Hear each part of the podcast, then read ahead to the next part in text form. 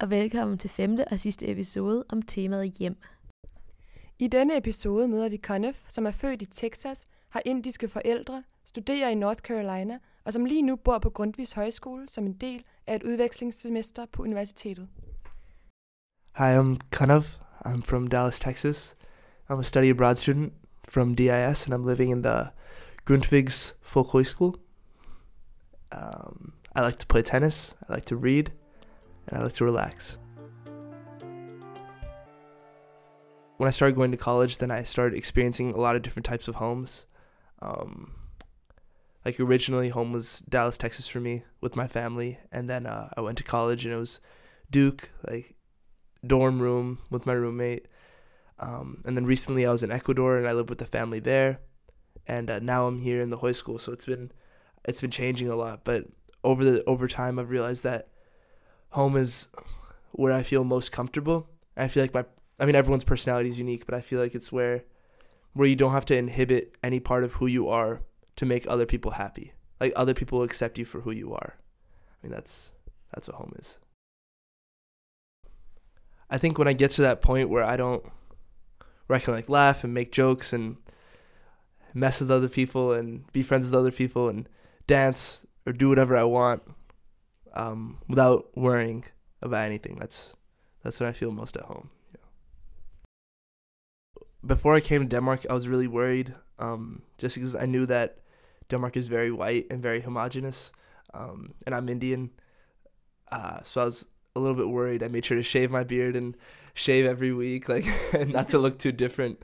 But then when I got here, I realized that the people here are so are so nice and welcoming. I, there was no need to feel um, like this wasn't a place where I could be myself.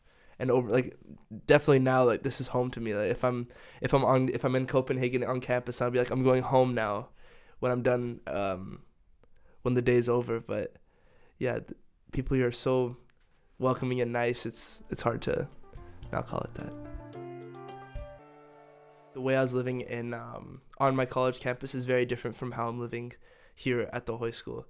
Um, one thing I was talking about with some of my friends was um, if we had gotten 60 or 70 American students it, to live in the same place, um, then immediately within within a day there would be maybe seven separate groups of people, 10 like 10 friends per group who only talk to each other.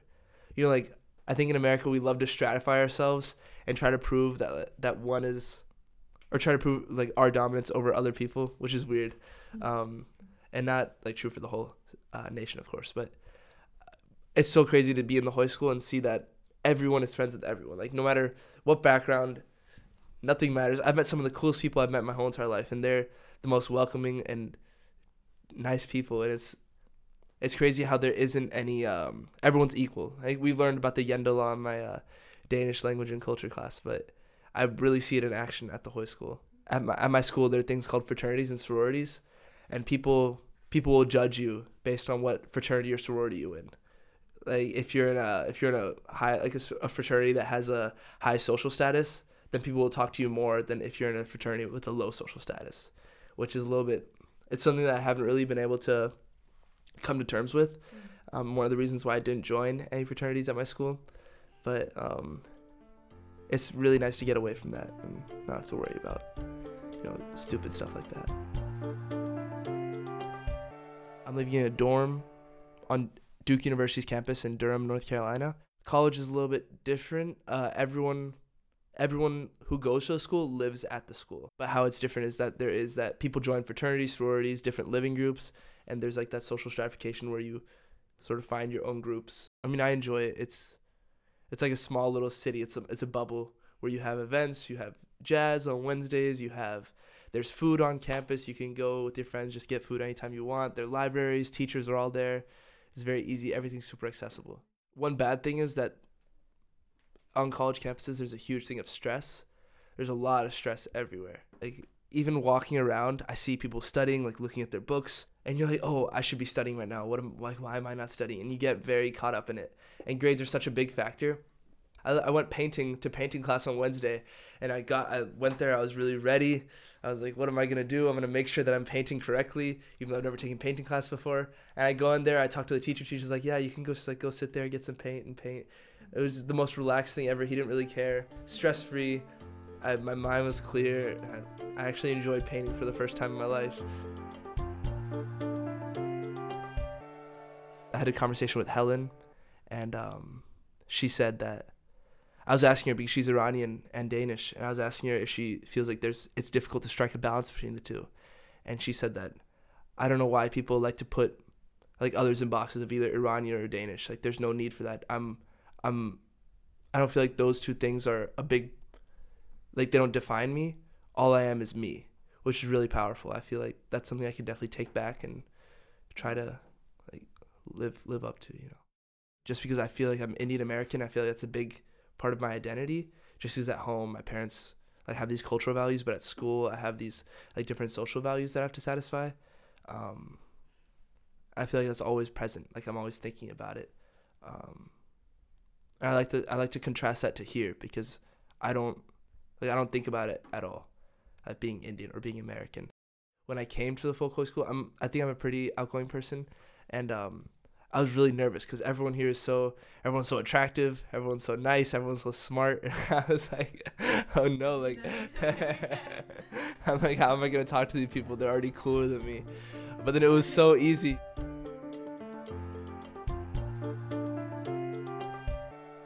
When I first got here, then like a week into it, I was talking to someone and they said, "Oh, you're the Texas boy," and I was like, "What?"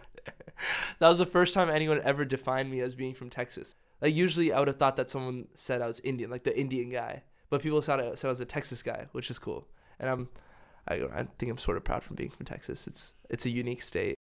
I think the um the perception of Texas is very like is very uh, stereotyped. People think it's like oh the Wild West with the people with the accents and chewing tobacco and, and racism and guns and all that stuff and um, I think that's present in some areas. But I mean, I'm from Dallas, which is pretty very liberal um, compared to the rest of the state. But it's definitely a unique environment.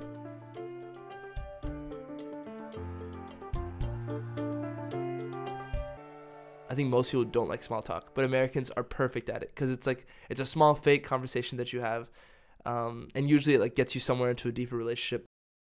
It's like always a conversation walking by on campus you say, "Oh, how are you?" and they're like, "Good," and they say, "How are you?" and you say, "Good," and you continue. That's it. You don't say anything else, right? But then here, if you say, "How are you?" then you're expected to go into a real, like, have a real conversation, say how you really feel. Like, I'm not feeling that good today. It's a lot more genuine.